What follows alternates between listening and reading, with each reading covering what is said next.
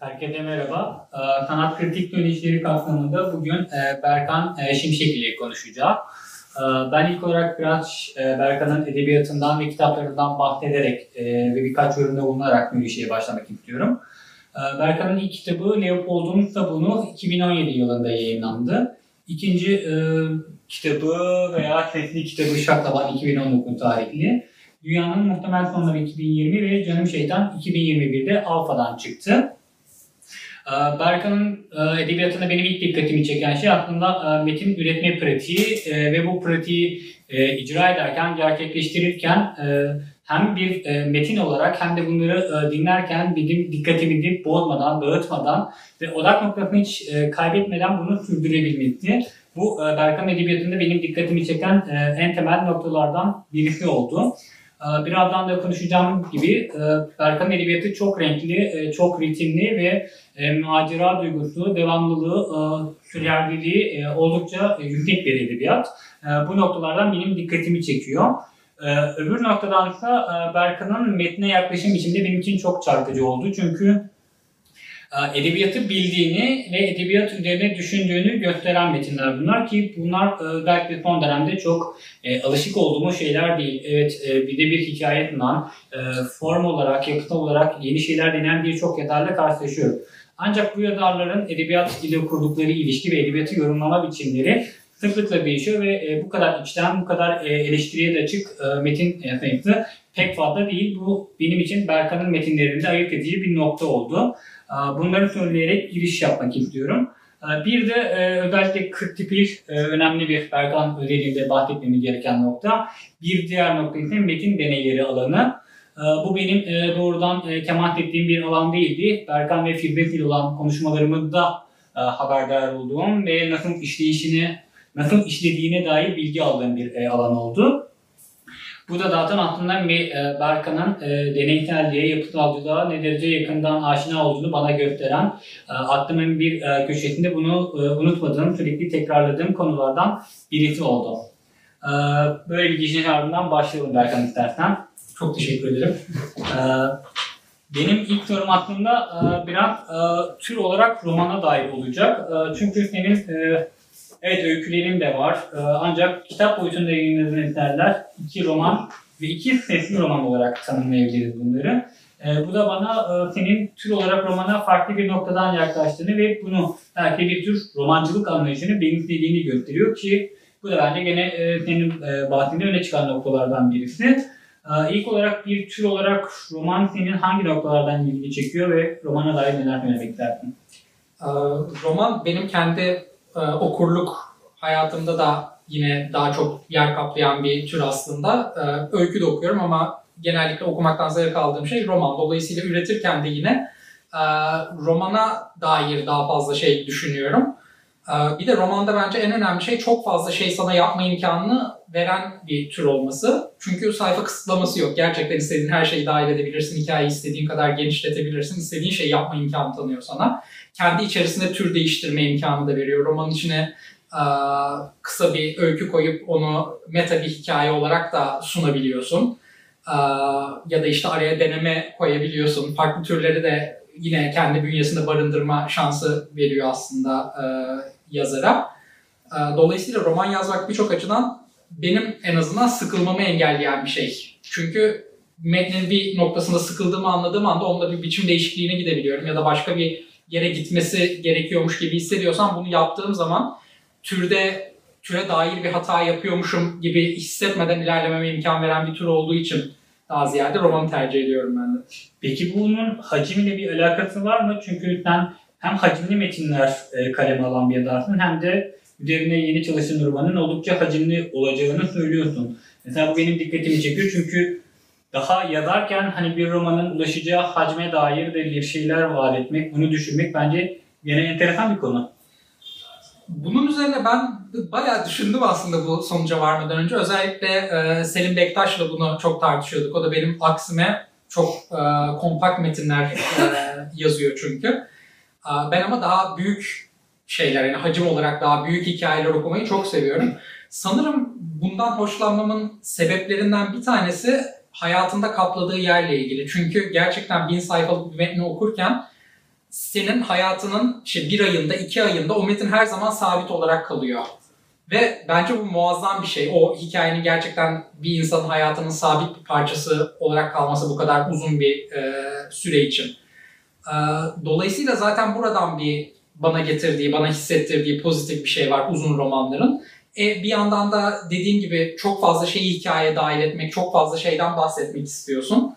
E, öyle olunca da ortaya hacimli bir şey çıkıyor. Bu son romanla, şu anda yazdığım e, romanla ilgili söyleyebileceğim. Zaten elimde bir taslak oluyor. Bütün romanlar için geçerli bu. Bir outline'ım oluyor. O outline'ın üzerinden e, hareket ederek ortalama bir sayfa sayısı söyleyebiliyorum. E, tabii ki bu son haline geldiğinde değişikliğe uğrayabilir. Belli bölümlerin gerçekten de gereksiz olduğunu e, düşünüp eleyebilirim. Ama şu anki taslak e, haliyle baktığım zaman gerçekten yine bin sayfaya yakın bir şeye dönüşeceğini düşünüyorum. Belki şunu da konuşmak gerekir. Özellikle bu kadar hacimli ve uzun süreler okuması gereken bir metin kalem alırken herhalde en önemli noktalardan biri de o heyecanı, o ritmi korumaktır.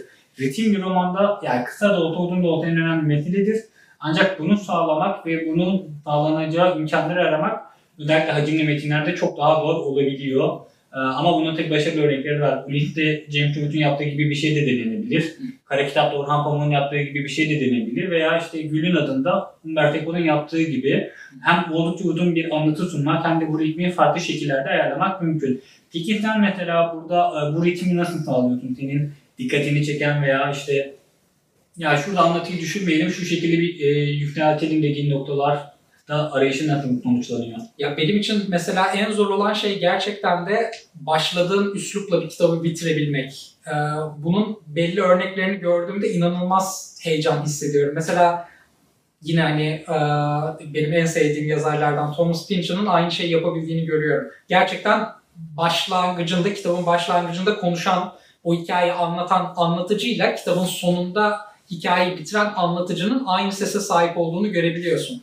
Ve muazzam geliyor bana ki kitapları atıyorum 5-10 yıllık sürelerde yazılıyorsa eğer yani bu 5-10 yılda hiç mi başka bir şey okumadın, hiç mi bir şey izlemedin, hiç mi onu kendi yazdığın metne yedirmeye çalışmadın? Ya arada o o kadar şey e, almana, okumana rağmen, izlemene rağmen, maruz kalmana rağmen bunlara yine de o sesi koruyabiliyor olmak muazzam bir şey bence, muazzam bir yetenek. Bu gerçekten de şeyi gösteriyor bana kalırsa bu insanın kendine ait bir tarzı var artık ve dışarıdan ne gelirse gelsin o tarzı korumayı başarabilecek.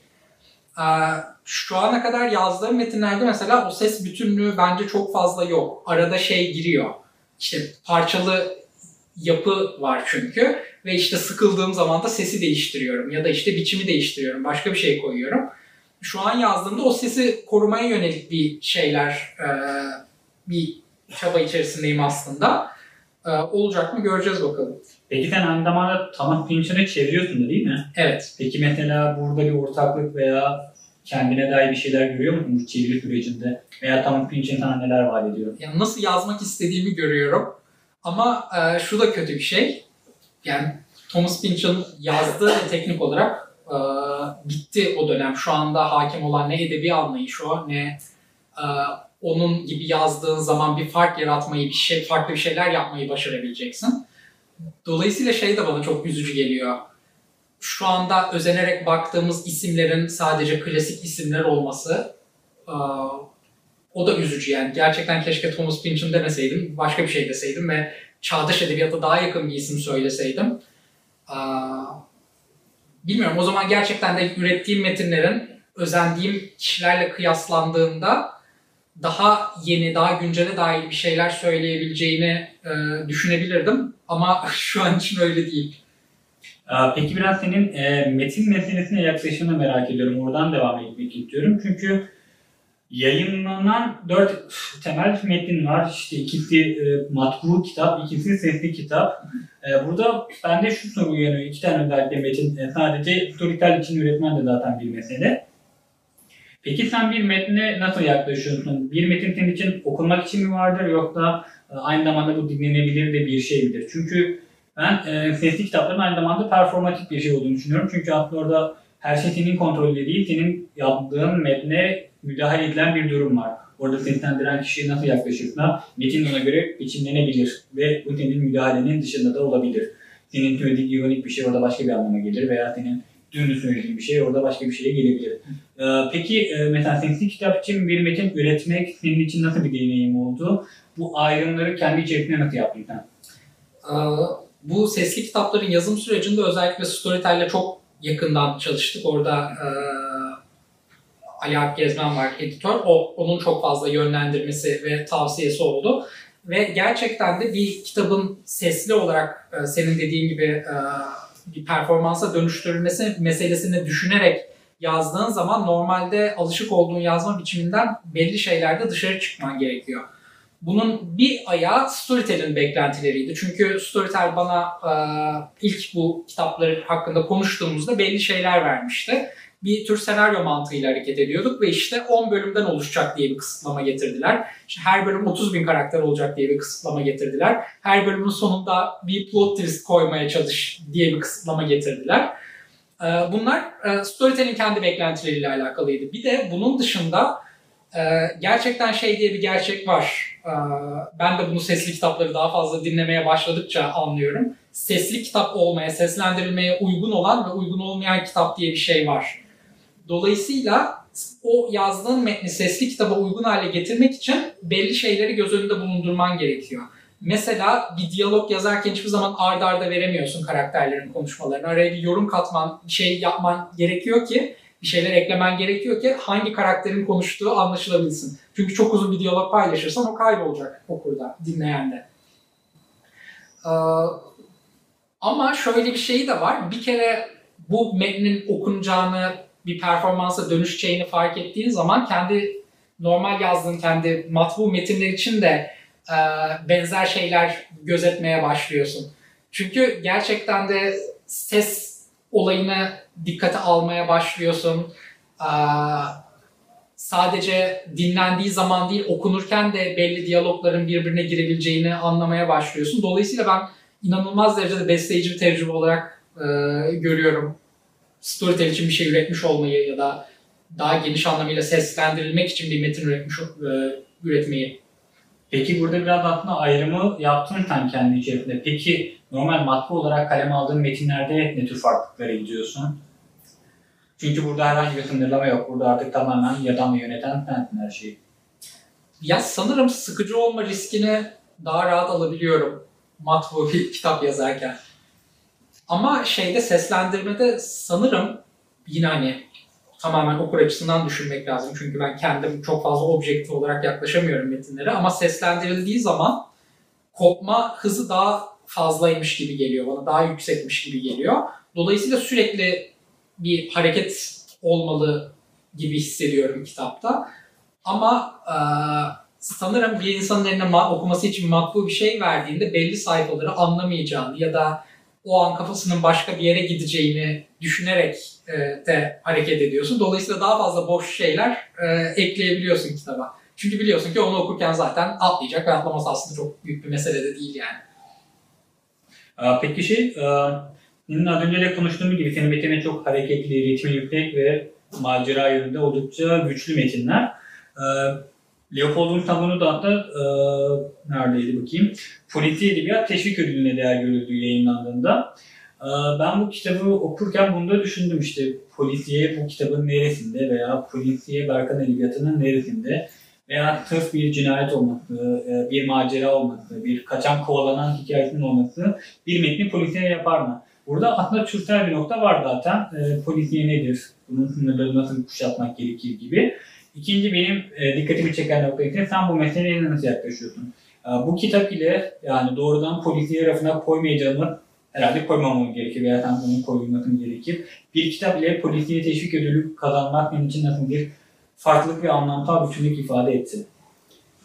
Ee, yani ben açıkçası kitap bittikten, yayınlandıktan sonra kitap üzerine çok fazla düşünen ya da o kitapla ilgili sahip olduğum düşünceleri okura dayatmaya yönelik bir e, çabası bulunan biri değilim. Dolayısıyla ben bu kitabı yazarken hiçbir zaman polisiye yazıyorum diye düşünmedim ve hatta polisiye çok hakim olduğum, okur olarak çok hakim olduğum bir alan da değil. Ama biri okuyup bunu polisiye olarak değerlendiriyorsa ve o konuda bir e, ödüle layık görüyorsa bundan ancak onur duyabilirim tabii ki. O noktada çok fazla bir yazarın söz hakkı olduğuna inanmıyorum. Ya yazdıktan sonra o çıkıyor bence okurun elinden, şey, e, yazarın elinden. Okur veriyor onun kararını. Yani biri kalk erotik kitap dese de e, destekleyebildiği sürece ben de aksini söyleyecek bir şey demem. Yani senin o zaman aklındaki temel şey hatta türsel bir metale değildin. Odaklandığın bir kitap var. Bu Hikaye. kitabı tamamlamak. Hı hı. Bu Hikaye hikayeyi sadece tabii. Peki e, özellikle Leopold'un kitabından yola çıkarak üzerinde durmak dediği bir nokta var ki e, burada aslında hem oldukça parçalı bir anlatı var hem de bu e, parçalıklı yapıyı kuşatan bir ana hikaye var. Ya bunu da zaten edebiyatta özellikle postmodern edebiyatta birçok karşılığını saymak mümkün. Az önce birkaç tanesine değinmiştik. Burada zor olan zaten bütün bu parçalıklı hikayeleri birleştirirken onu kuşatacak ve okuru da bu işin içerisine dahil edecek ana örgüyü, ana hikayeyi bulmak. Sen mesela bu noktada nasıl hareket ettin bu kitap ödelinde? Öncelikle ana fikir mi gelişti yoksa e, bütün e, fikirleri, bütün düşünceleri kuşatacak bir ana çatı mı daha sonra inşa ettin?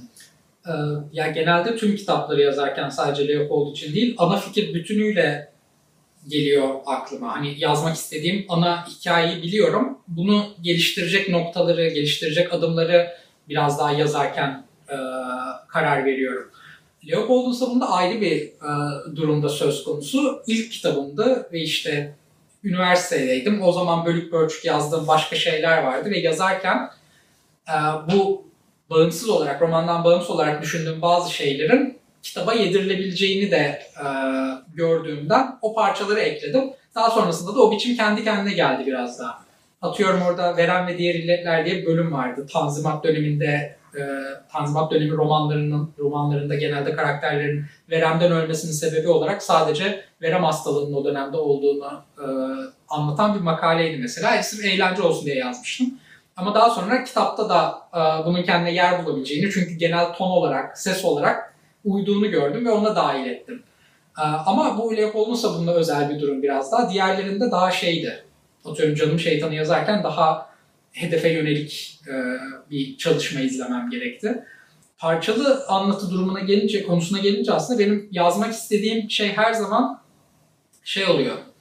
Aa, expanding universe, never ending universe denen bu hani sonsuza kadar genişleyebilen bir evren yaratmak oluyor. Bunu e, mesela Canım Şeytan'da yapmanın yolu hayali bir metal komünitesi yaratıp oradaki bütün metal gruplarını da kendim yaratıp e, bütün evreni de bunun üzerine kurmaktı. Böylece canım sıkıldığı anda yeni bir metal grubu e, hikayeye dahil edip onun hikayesini verebiliyordu. Ve hani e, bilmiyorum aşırı eğlenceli geliyor bana bu şey olarak, fikir olarak. Yapması çok eğlenceli. Bir ya- yazmış olsa onu okumayı da mesela çok isterdim. Zaten biraz da mevzu e, ona geliyor. Yani kendin okumak isteyeceğin şeyi yazıyorsun nihayetinde. Aa, Mesela özellikle senin de değindiğin bu Tanzimat romanı ve Verem hikayesi bir edebiyatçı olarak mesela benim çok dikkatimi çekti ve ben çok eğlendim. Bence zaten bu belki işte bir eğlence metniydi ancak bu eğlence metninin içerisinde kimi hakikatler veya e, farklı yorumlar var ki bu beni çok eğlendirdi. Özellikle işte Ahmet Mithat'ı düşündüğümüzde Sami Paşazadeler, Halit Yalar falan hatta vereme veren bile diyemeyecek işte ince hastalık olarak bahsedecekler. Bu kadar duygusal da bir bağ var. İşte sevenler kavuşamaz çünkü verem olurlar gibi bir durum var. Yani bu dönemde ben yaşasam mesela eğer e, aşık mıyım falan filan diye ilk böyle etkileşim olduğunda, etkilenme olduğunda Aa verem olmadım o zaman herhalde çok bir şey yok ya falan diye düşünürdüm herhalde. Hani bir standart da koyuyor çünkü teknik olarak edebiyat sana. Ya burada zaten iki tane çıkış var yani aslında. Birincisi işte ya verem öldürür, doğal yollardan öldürsün. Diğeri de zaten genç verdi öğretmen olduğu gibi intihar edersin herhalde. Başka bir e, kurtuluş yolu yok. Mesela bu, ben de şey de düşünmüştüm. Sen Boğaziçi Üniversitesi tarih çıkışlısın. Bu anlamda e, tarihle kurduğun ilişki bence önemli. Zaten bunun eğitimini aldım. Ama öbür taraftan edebiyat tarihine de hakimsin. Özellikle bunun hani başka metinler dahilinde yaptığımız konuşmalarda da hissetmek, anlamak mümkün. Mesela e, bütün bu yorumlar birleşerek bu, bu bölüm mesela nasıl ortaya çıktı? Ben bunu özellikle merak ediyorum. Veya bu bölüm mesela daha önce vardı, sadece bu romanın bir parçası mı oldu yoksa bu fikir bu roman sırasında mı ortaya gelişti, çıktı? Ya daha önceden vardı bu böyle bir şey yazma. İşte bu da biraz Kırtıpil'le alakalı sanırım. Yanlış hatırlamıyorsam çünkü bütün bu olaylar hani kitabın ilk yazılması 2013 falan ve sonra açıkçası çok okumadım kitabı tekrar. Ee, aklımda kaldığı kadarıyla anlatacağım o yüzden. İşte Kırtipil dergisini çıkarırken orada hazırladığımız bir köşede bu tarz e, yazılar yazılara yer veriyorduk. Tamamen işte parodi e, şeklinde gelişen yazılardı. E, hatta ve hatta bir tanesinde de e, açık öğretim matematik kitabının postmodern okumasını e, yapmıştık bir ders kitabının. İşte bu tarz böyle abuk sabuk falan yazılar vardı. Onun kapsamında düşündüğüm bir yazıydı ve daha sonrasında dediğim gibi ses için çok uyumlu olacağını düşündüğümden biraz daha dahil ettim. Ee, yani kendi bölümümle alakalı çok fazla yorum yapmam doğru olmaz çünkü çok kötü bir öğrenciydim. Ee, edebiyat tarihiyle ilgili ise o tamamen kendi merakımdan, kendi okurluğumdan geliyor. Yoksa hani kesinlikle ciddi anlamda bunun dersini gören ve akademik anlamda e, bir yerlere gelmiş insanlarla çok ciddi tartışmalar yapabilecek seviyede olduğumu düşünmüyorum. Yani yaptığım ne olursa olsun okur yorumu olarak kalacak şeyler her zaman. Yani burada Türkçe edebiyat, Türk edebiyatı tartışmasına girmek demiyorum ama fikirlerin altyapısı bence bu konu üzerine ne derece çalıştığını gösteriyor. Ay, tamamen kişisel görüşler ama işte hani bilmiyorum. Edebiyat da zaten çoğu noktada zaten kişisel bir şey aslında.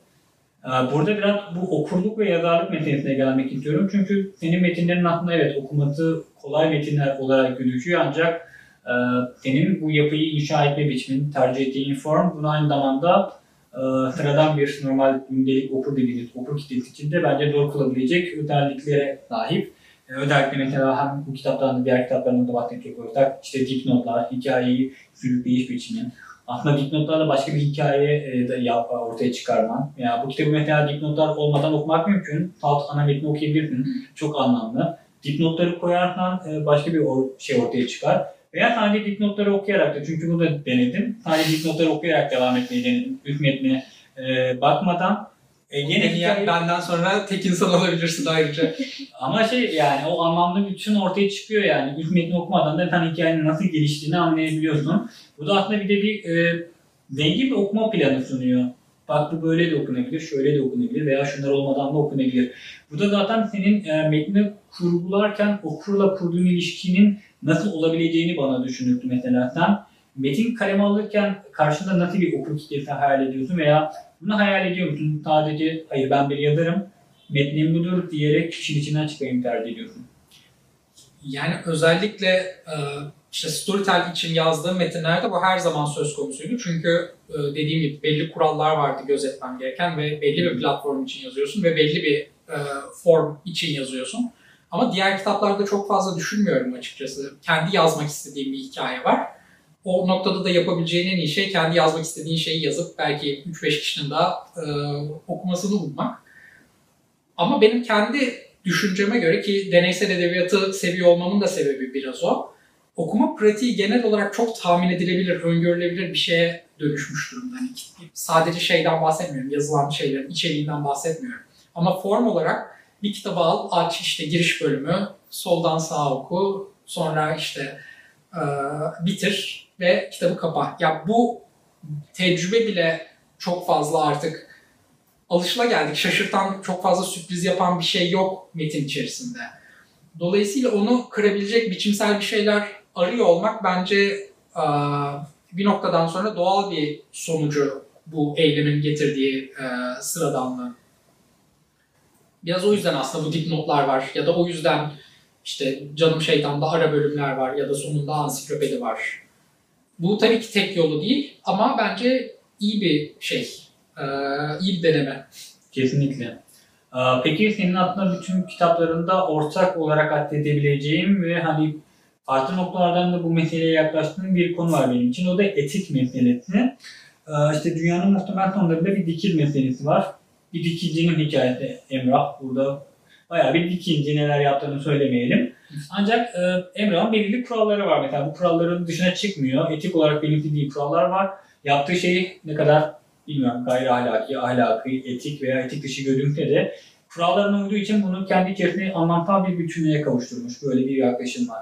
E, Leopold'un sabununa baktığımızda bütün mesele aslında yayıncılık dünyasındaki ilkeler, etik anlayış üzerinden biçimleniyor. İntihal nedir, intihal nasıl yapılır, neyi intihal olarak yorumlanır veya sosyal bilimlerde intihalin nasıl bir karşılığı var, edebiyatta bunun nasıl bir karşılığı var. bir e, bu tip etik kurallar üzerinden e, hareketlenen metinler. E, diğer metinlerine de şaklalarına baktığımda da e, Canım Şeytan'a baktığımda da Hal- Hallun'un da işte bir tür ikincilik medeniyeti var. Bir tür etik medeniyeti var. E, sen bu etik medeniyete nasıl yaklaşırsın? Mesela etiği nasıl tanımlarsın ve etik sence hangi noktalardan ihlal edilebilir? Ya açıkçası sen söyleyene kadar e, kitaplardaki etik problem benim için hani benim üzerinde düşündüğüm bir şey değildi. E, ama şunu söyleyebilirim. Kitaplardaki karakterlerin genel geçer etik kurallarının dışına çıkıyor olması kitapların belli ve etik anlayışına dair herhangi bir beyanda bulunduğunu göstermemeli. Yani Leopold'un savununu ayrı tutuyorum. Leopold'un savunun argümanı çünkü zaten intihal diye bir şeyin e, olmadığı ve bırakınız yazsınlar, bırakınız etsinler e, mevzuydu biraz daha. Çünkü belli hikayelerin orijinal kaynağını bulmaya çalışınca bütün edebiyat zaten intihalden ibaret kalıyor. Dolayısıyla hiçbir anlamı yok gibi bir e, yerden, daha anarşist bir yerden yaklaşıyordu e, etik bir noktadan ziyade.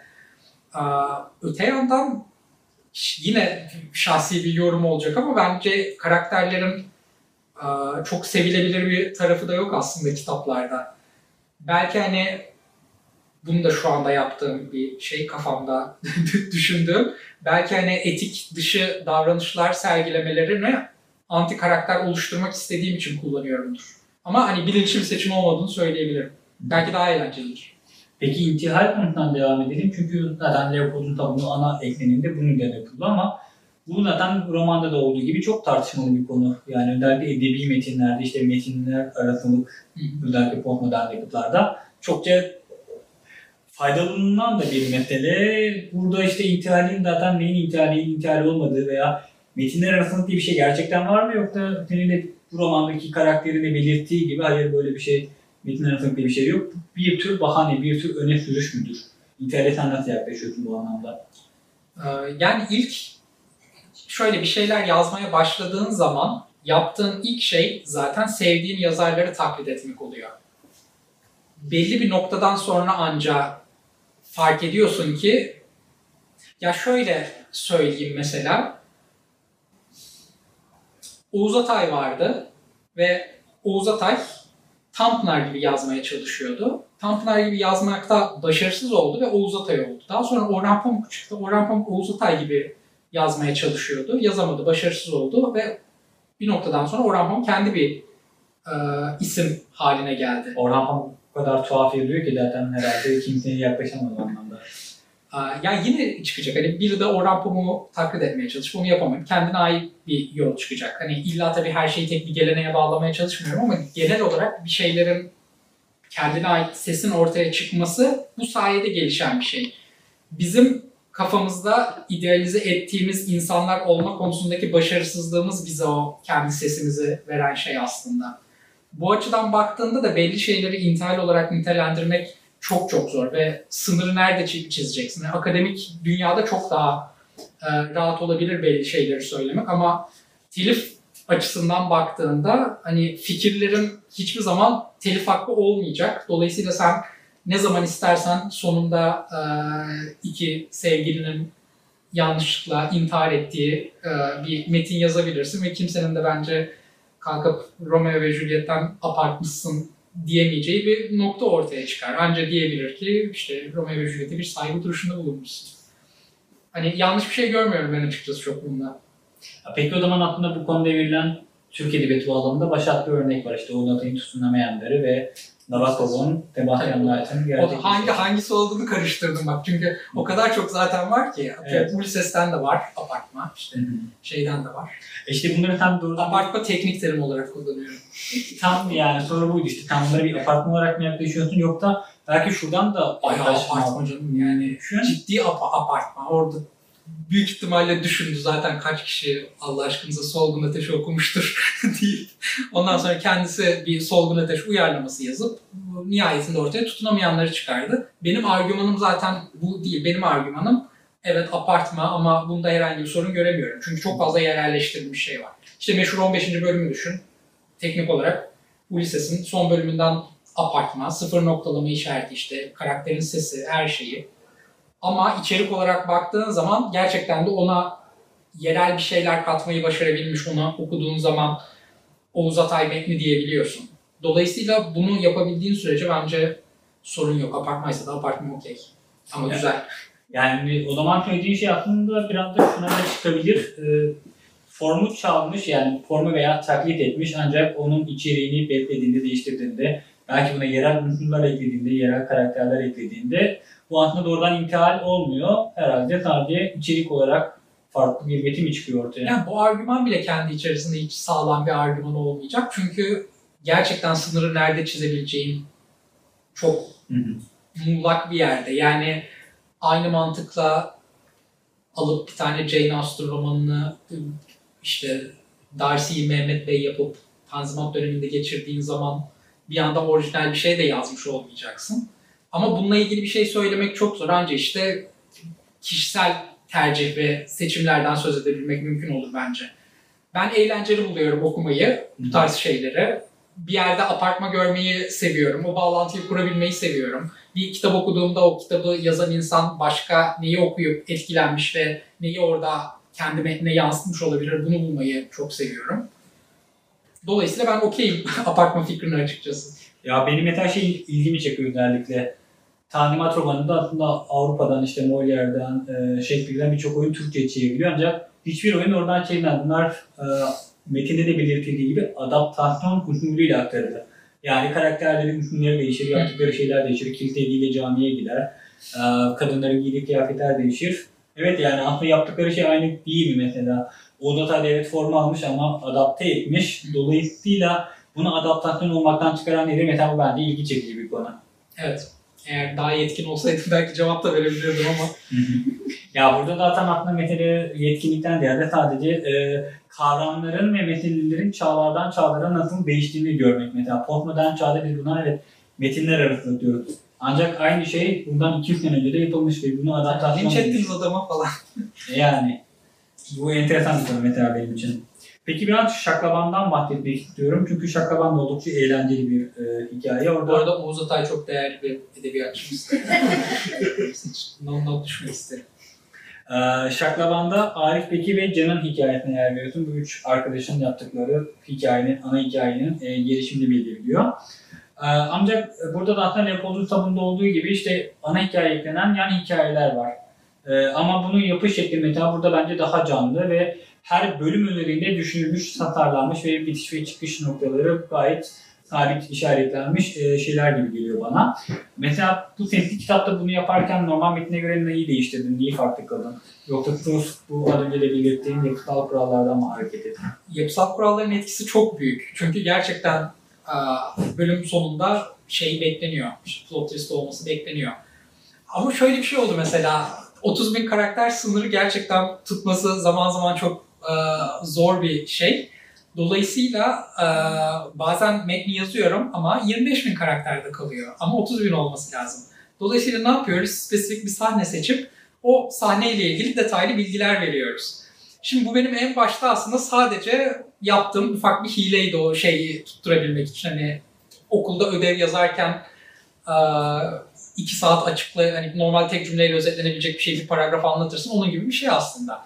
Ama sonra komik bir şey oldu. Firdevs'e okuttuğumda en çok mesela o duraksama anlarını sevdiğini söyledi. Gerçekten belli bir sahnede durup karakterlerin neler yaptığına odaklandığımız, yüz ifadelerini gördüğümüz e, o sahneler çok ilgisini çektiğini söyledi.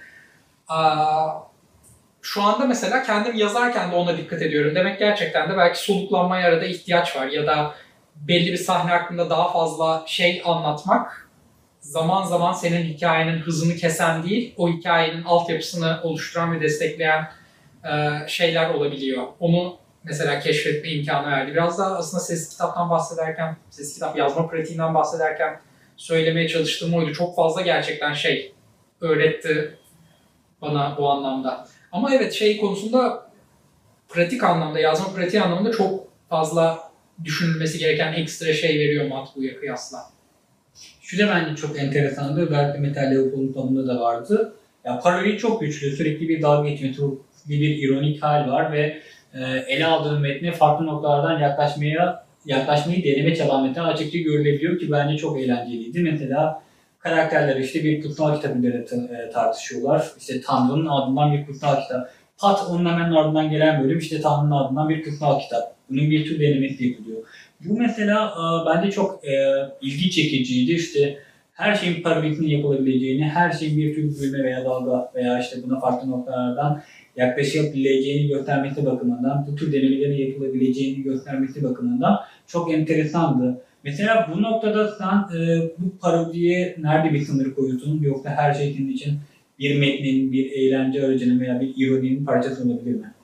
Ya herhangi bir sınır koymuyorum. Hani yine şahsi seçimlerden dolayı yazmayı tercih etmeyeceğim şeyler elbette çıkacaktır ama şu anda kendime özellikle bu şekilde koyduğum bir sınır yok. Parodi güzel bir yöntem, eğlenceli bir şey çünkü gerçekten de elinde başka bir silah yok, yapabileceğin hiçbir şey yok. Yani her şeyi biliyor olabilirsin ama yine de bir şeyleri değiştirme konusunda aynı şekilde çaresiz kalacaksın. Ve yapabileceğin tek şey parodi. Ya da işte intihar eden yani. Ee, peki senin mesela metinlerin mesafelenme biçimini de merak ediyorum. Çünkü bu kadar çok e, anlatıcının veya içeriğin değiştiği metinlerde e, metinle yazar arasındaki mesafelenmede bence dikkat çekmesi gereken, üzerine düşünülmesi gereken konulardan birisi. Çünkü anlatıcı sürekli değişiyor, hikayeyi anlatma biçimi değişiyor. Ve çoğu yerde hikaye de değişiyor aslında mesela bu Tanrı bölümünde olduğu gibi konuşan kişi Tanrı veya anlatıcı Tanrı rolüne bürünüyor. Burada da senin e, metinle ve metinde işlediğin karakterle mesafelenmeni merak ediyorum. E, burada bir özdeşleşmeye, yakınlaşma veya o mesafeyi sabit tutma konusunda nasıl bir yöntem izliyorsun? Yani kendi yazdığım karakterleri aslında çok fazla sevdiğim söylenemez. Şu an yazdığım romandaki karakteri çok seviyorum ve başına gelecekler için ciddi üzülüyorum. Mesela ama. Öyle bir şey var. Bilmiyorum çok fazla şeyim yok. Özel bir bağ kurmuyorum açıkçası. Peki neden özellikle sevmediğin karakterler yazıyorsun? Yani eğer çok çok çok indirgersek teknik olarak ya kendini yazabilirsin ya da kendinden tamamen farklı olan birini yazabilirsin. Çünkü en çok hakkında bir şeyler bildiğin kişiler o oluyor. Kendin ve kendinin zıttı. Aynı şekilde farklı bir şey, farklı bir şey yazmaya çalıştığın zaman yine aynı sebepten ötürü o karakterleri biraz daha uzak kalıyorsun. Hiçbir karakterim benim bizzat kendim değil ya da kendimin tamamen zıttı değil. Hepsinde ufak ufak bir şeyler var kendimden kattığım ya da çevredeki karakterlerden kattığım. Sanırım yine aynı sebepten ötürü çok fazla yakınlaşmam mümkün olmuyor karakterlerle. Çok mantıksız şeyler yapıyorlar bazen. Mesela benim yapmayı tercih etmeyeceğim ya da yapmayacağım. Veya sen kendinin yapmayacağın şeyleri karakterlerine yaptırmayı mı tercih ediyorsun? Sonuçlarını daha yakından görebilmek adına.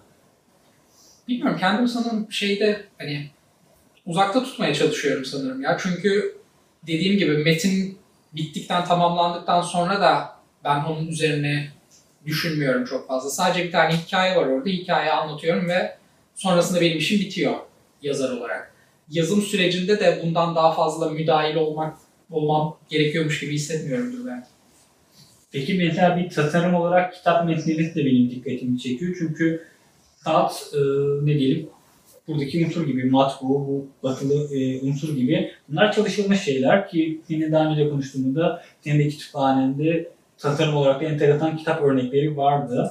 E, Canım Şeytanlarla yapılırsa bunun da da e, kitabı açtığımızda karşımda tuhaf görünümler çıkabiliyor işte bu kitapta olduğu gibi. Bayağı dipnotlarda sayfalarca akan dipnotlar var. E, eklemlenen bölümler var, bölüm tercihleri var. Mesela e, veya işte paragraflar arasındaki mesafeler. Bunlar mesela benim dikkatimi çekti. Bunların bir kısmı tabii şüphesiz yayın eviyle alakalıdır. Bir kısmı da senin doğrudan tercihlerinle alakalıdır. Yani Ki, paragraf boşlukları mesela benim fikrim değil. Ama mesela bunlar kitabı e, tasarım olarak da dikkat çekici ve ayırt edici kılan şeyler. E, dipnotlar, işte açıklamalar bunlar seninle alakalı. işte daha sonra eklenen mektup gibi seninle eklenen şeyler. Mesela bir tasarım unsuru olarak kitap senin dikkatini çekiyor mu? Çektiğini biliyorum nelerden. Nasıl çekiyor? Sanırım bu soru da yine şeyle bağlantılı olarak cevaplandırılabilir. Okuma pratiğinin standartlaşması. Tasarım olarak farklı bir şey verdiğin zaman ya bir kitaba direkt dışarıdan baktığında bile, sayfaları çevirdiğinde bile karşına farklı bir şey çıkıyor olması o kitabı ilginç hale getirmek için yeterli olabiliyor belki en azından ilk aşama için. En azından ilk sayfayı okutmak için. Ee, aynı mantıkla şey konusunda haklısın ama benim özellikle bunun, buna bir ilgim var. Atıyorum e, Yapraklar Evi mesela aşırı sevdiğim bir kitap ve ilk okuduğumda ciddi şok olmuş ve bayağı uzun bir süre ayırmıştım onu e, incelemeye, okumaya, nerede ne yapıyor diye. Çünkü aynı anda anlattığı hikayeyle uyguladığı biçim birbirini takip ediyordu kitapta. Ee, ve biçimin sadece sayfada ilginç görünsün diye değil, içerikle uyumlu olacak şekilde tasarlanmış olması fikri inanılmaz şey geliyor bana, heyecan verici geliyor. Oynayabileceğim bir tane daha şey veriyor sana mesela. Sesli kitap yazarken de öyleydi. Sesli, hani bu seslendirilecek, dolayısıyla farklı bir şey yapabilirim. Ee, burada şey oluyor bazen. Karakterin bir tanesi kitap boyunca sarhoş olsun diyorsun mesela. Ve seslendirilirken sürekli o sarhoş seslendiriliyor. Ya da işte hiç yapmadım ama aksan koyabilirsin, farklı bir şey yapabilirsin. Sana oynayacak başka bir şey daha veriyor. Yeni bir oyun alanı açıyor. Aynı mantıklı tasarım üzerinde düşündüğünde de e, kitabı yazarken, kendi içeriğine karar verirken tasarımı da göz önünde bulunduruyor olmak sana yeni imkanlar sağlıyor aslında. Normalde sadece içeriği düşünerek karar veremeyeceğin şeyler sağlıyor.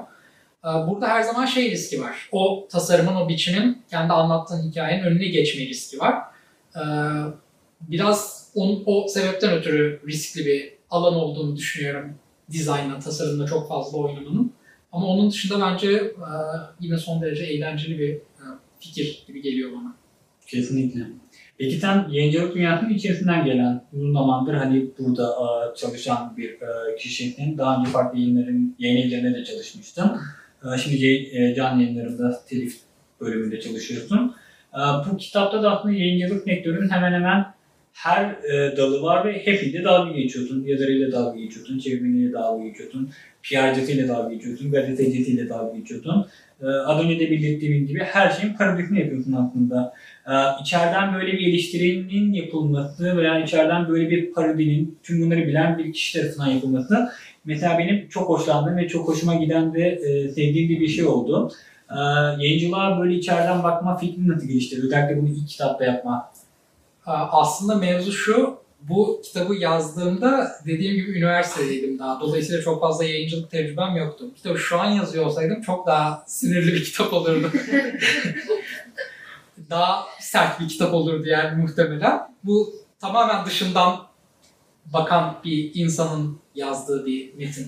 Dolayısıyla çok cevap verebileceğim bir soru olmayacak. Yani evet.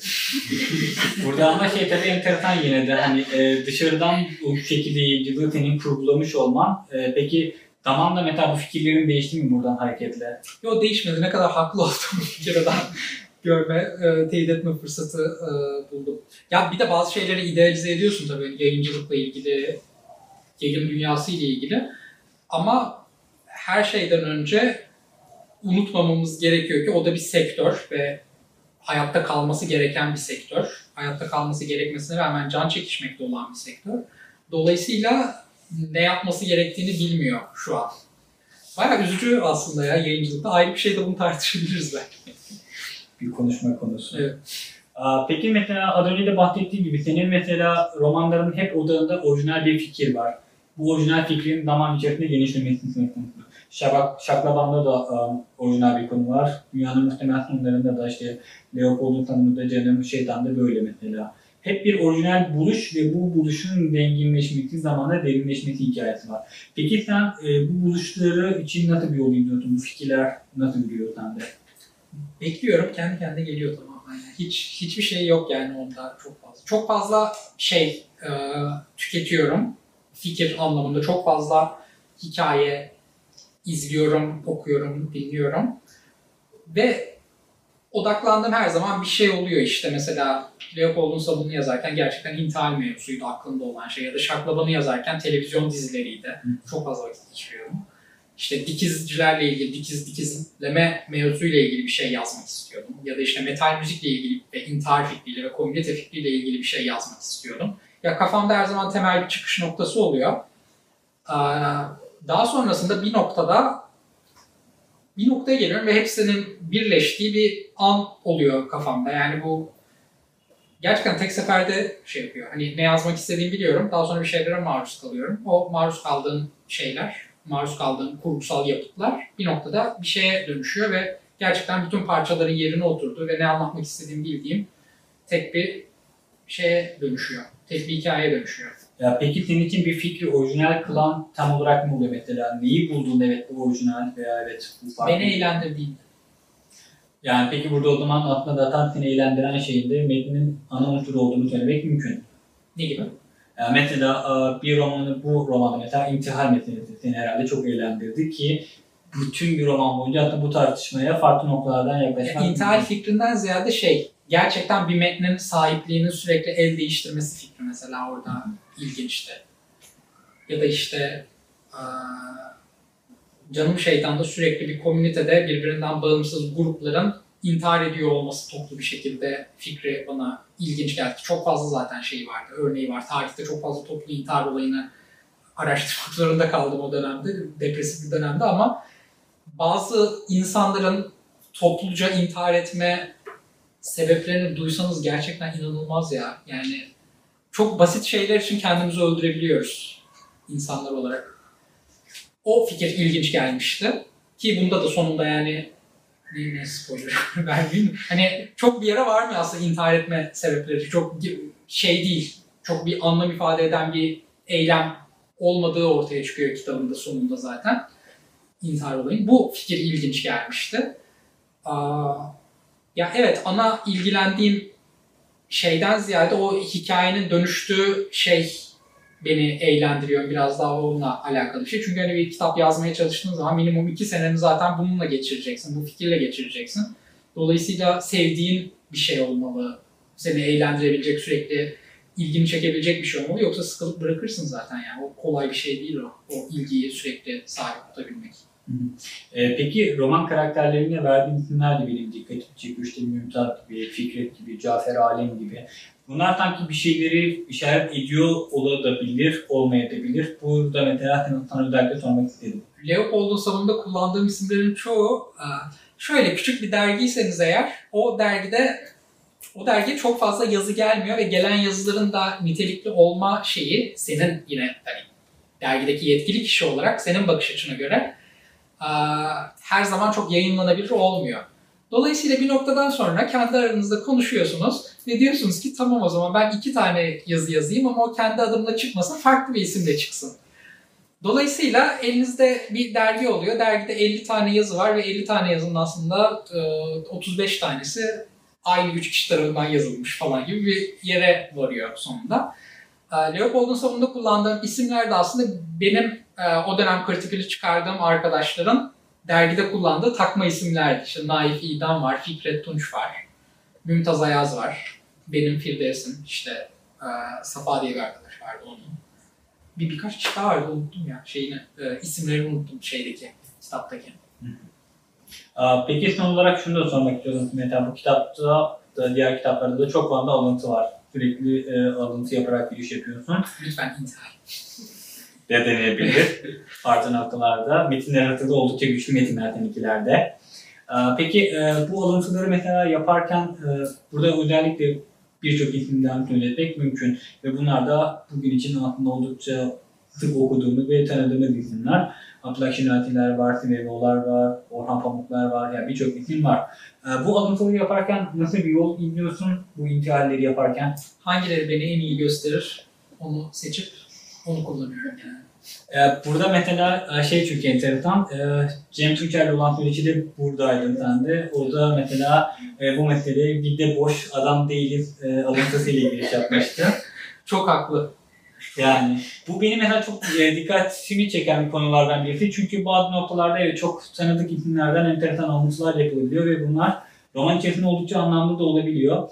Kimi noktalarda da mesela hiç bilmediğin kitaplardan e, hiç bilmediğin alıntılar da yapılabiliyor. Bence bunu mesela yer yer Orhan Pamuk yapıyor ve ben bunu bir tür şov olarak görüyorum. Çünkü şey bakın siz bu kitabı hiç bilmiyorsun ama bak burada böyle bir şey var falan gibi. Yani yaparken biraz daha gözettiğim şey aslında şey oluyor. Kitabın gerçekten o bölümüne dair bilgi verecek bir şey, bir alıntı bulmak istiyorum. Öyle yaptığım zaman her zaman için her zaman için ana akım bir isim bulmak mümkün olmuyor. Atıyorum mesela hipermetinli bir bölüm vardı. Orada Afternoon kitabından bir alıntı kullanmıştım.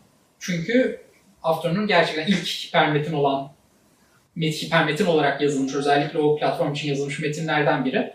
Biraz onunla bağlantılı olarak buna şey yaptım ki işte biri merak edip eğer bakarsa o alıntıyla o içerik, o metnin içeriği hakkında bir bağlantı kurabilsin. Ya da işte iki tane bir anne ve kızın bir mahalle içerisindeki kendi arasındaki konuşmasını sadece diyalog olacak, diyalog olarak vereceğim bölümde işte Hüseyin Rahmi Gürpınar'ı kullanmayı tercih ettim ki işte o tona dair bir şeyler söylesin. Çünkü senin aklında hali hazırda Hüseyin Rahmi Gürpınar'a dair bir şey var. Dolayısıyla o bölümün geri kalanından ne bekleyeceğini az buçuk. Ya biraz hile gibi aslında epigraf olayının tamamı. Sana ben önden bir şey veriyorum ki ne beklemen gerektiğini ve o metni neyle karşılaştırman, neyle kıyaslaman gerektiğini önden bil. Yani bu şey demek oluyor. Kendim bunu yapabileceğime dair bir tereddüt, içi- iç- tereddüt içerisindeyim. O yüzden bak hani eğer çok fazla zor durumda kalırsan burada ne yapmaya çalışmış diye bak işte Hüseyin abi Gürpınar'ın yapmaya çalıştığını yap, e, yap, yaptığını yapmaya çalışmış e, diye bir bağlantı kurabilir. Aslında olayı o gibi. En azından 2013'te yazdığım Leopold'un sonunda. Şu anda daha farklı düşünüyorum epigrafla ilgili daha farklı hissediyorum. Yani mesela bana şey de çok enteresan gelebilirdi mesela epigrafları sonda vermek. Metni anlattıktan sonra şak Abdülhaşin Altintar'dan bir alıntı geliyor mesela. Ama bütün hikaye zaten bitmiş mesela. O zaman bu alıntının ifade edeceği anlamın nasıl bir şey yol açacağını özellikle merak ediyorum mesela. Bunda şeyi düşünmüştüm. Bütün kaynaklarını yanlış vereyim alıntıların diye düşünmüştüm mesela.